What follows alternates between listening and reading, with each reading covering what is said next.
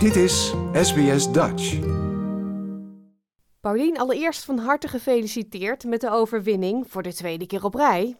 Dank je, dank je. Dat, uh, we genieten nog allemaal en we vinden het allemaal nog een beetje onrealistisch van uh, we hebben het gedaan. Ja, uh, wat ik zeg, voor de tweede keer op rij, hoe gingen jullie van start? Was het van nou dat gaan we nog een keertje doen of was het allemaal wel nog steeds heel spannend?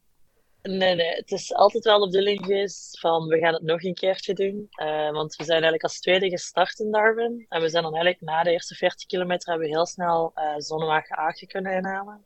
Uh, en vanaf toen is het echt geweest van oké, we moeten die leiderspositie gewoon behouden. En zo goed mogelijk ons best doen. Natuurlijk, je moet denken, dat is een Solar Challenge en je doorkruist 3000 kilometer. Waar dat heel veel wind aan te pas komt, waar dat temperaturen, bushfires, noem het allemaal op. Dat dat eigenlijk allemaal ook invloed heeft. Dus je kunt u eigenlijk maar zo goed voorbereiden. Um, tot eigenlijk de natuur het overneemt eigenlijk. Als, daar komt het op neer. Ja, want je noemt nu de bushfires. Dat lijkt me toch wel ja. even spannend.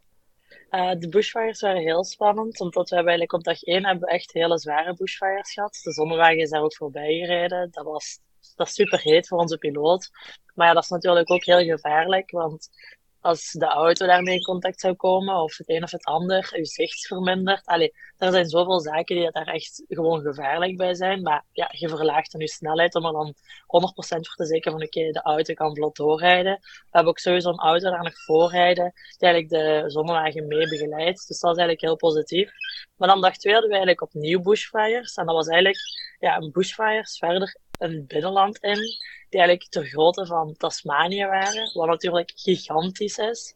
Maar dat brengt dus ook heel veel uh, hoop met zich mee. En dat heeft er ook voor gezorgd dat we dan dag 2 veel, meer, veel minder energie hebben binnengehaald dan we eigenlijk gewild hadden. En ik denk dat dat ook voor alle teams is. Um, waardoor het op eigenlijk dag 3 super interessant was. Ja, want uh, die energie die je niet kon binnenhalen, heb je nodig om de volgende dag volle kracht te kunnen rijden natuurlijk inderdaad. Dat, uh, want ja, we hadden dan op dag 2 minder energie binnen. En dan dag 3 was het super veel zijwinden. En Twente was ons ook aan het inhalen. Dus het was dan kijken van oké, okay, wat gaan we doen? En op welke manier gaan we het hier eigenlijk uh, spelen? Ja, Twente kwam mwah, redelijk dichtbij. Maar ook weer niet echt zo dichtbij, denk ik, dat jullie dachten, oeh, die Nederlanders. we hebben toch wel, uh, dag drie hadden we toch wel van, oké, hoe gaan we het nu dag vier nog aanpakken? Want acht minuten, dat klinkt misschien veel, maar dat is eigenlijk echt niet veel, want we moesten op dat moment nog 1500 kilometer afleggen. Dus uiteindelijk, ja, we hadden al 1500 kilometer afgelegd en dan waren dan nog eens 1500 kilometer. Dus eigenlijk alles kon nog gebeuren. Zelfs al hadden die een uur achter gestaan, als wij een probleem hadden gehad, als wij ergens een energieprobleem, er kon zoveel zijn. Dus acht minuten was toch wel echt nipt voor ons. En we waren dan ook toch wel een beetje nerveus. Maar ja, het team heeft zich dan koppen bij elkaar gezet en gewoon gezegd van oké, dit is de strategie die we gaan rijden. En zo gaan we gewoon zorgen dat we die, die leiderspositie gewoon niet afgeven. Ja, en kun je een tipje van de sluier lichten wat dan zo'n strategie is? Waar hou je dan rekening mee? Wat doe je dan?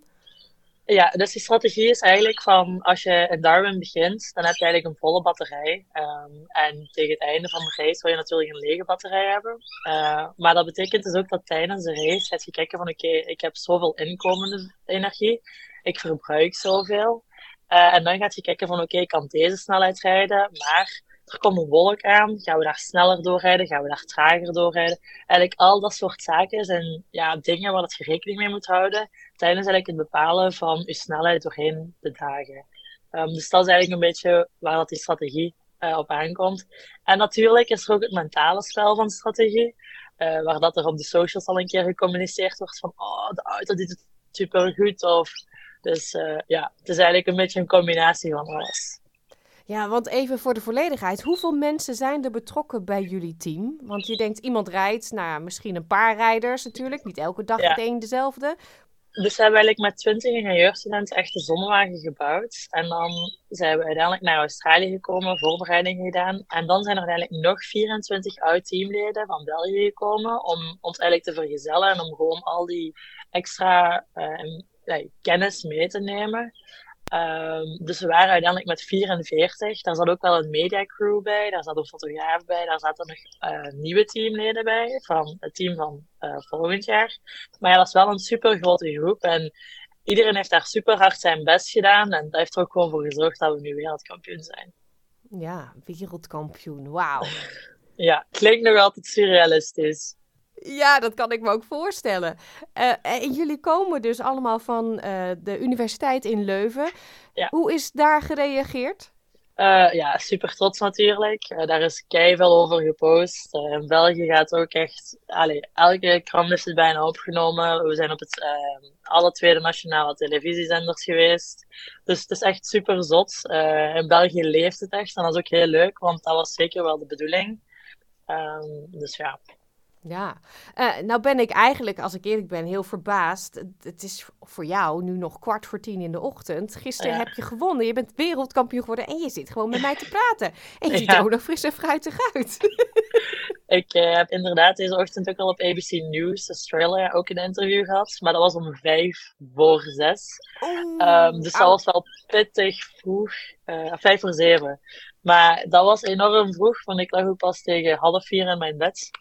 Dus ja. Ja, ik bedoel, uh, studenten, um, met dan het ja. feit dat jullie uit België komen, daar zal een paar biertjes uh, Absoluut. Hebben. Ik ga toegeven dat al de rest van ons team wel gewoon nog in een bed ligt. Dus uh, ik denk dat ik wel de enige ben.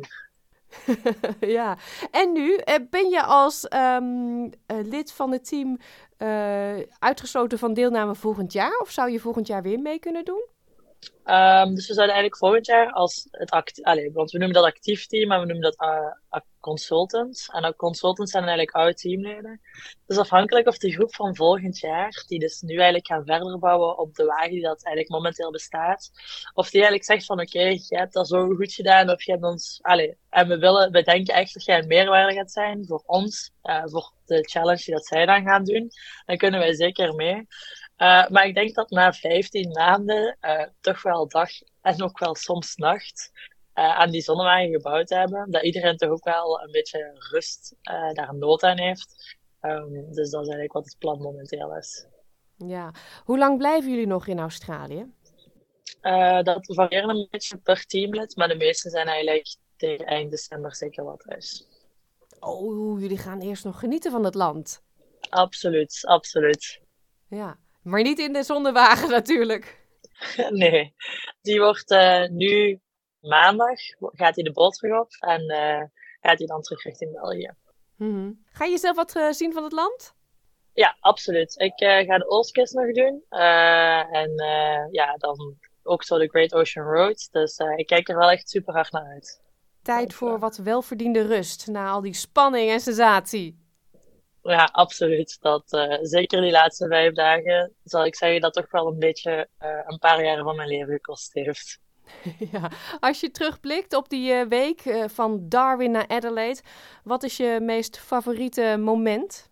Oh, um, ik denk gisteravond, of ja, eergisteravond, toen we eigenlijk in na Port Augusta, toen we eigenlijk wisten van oké, okay, we staan zoveel minuten voor.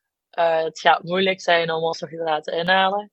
En dan ook te zien dat we superveel energie binnenhaalden tijdens uh, onze ochtendlading.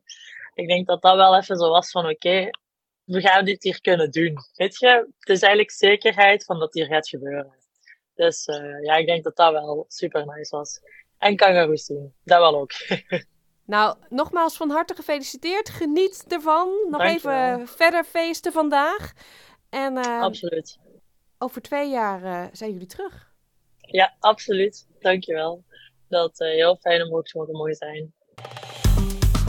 Like, deel, geef je reactie. Volg SBS Dutch op Facebook.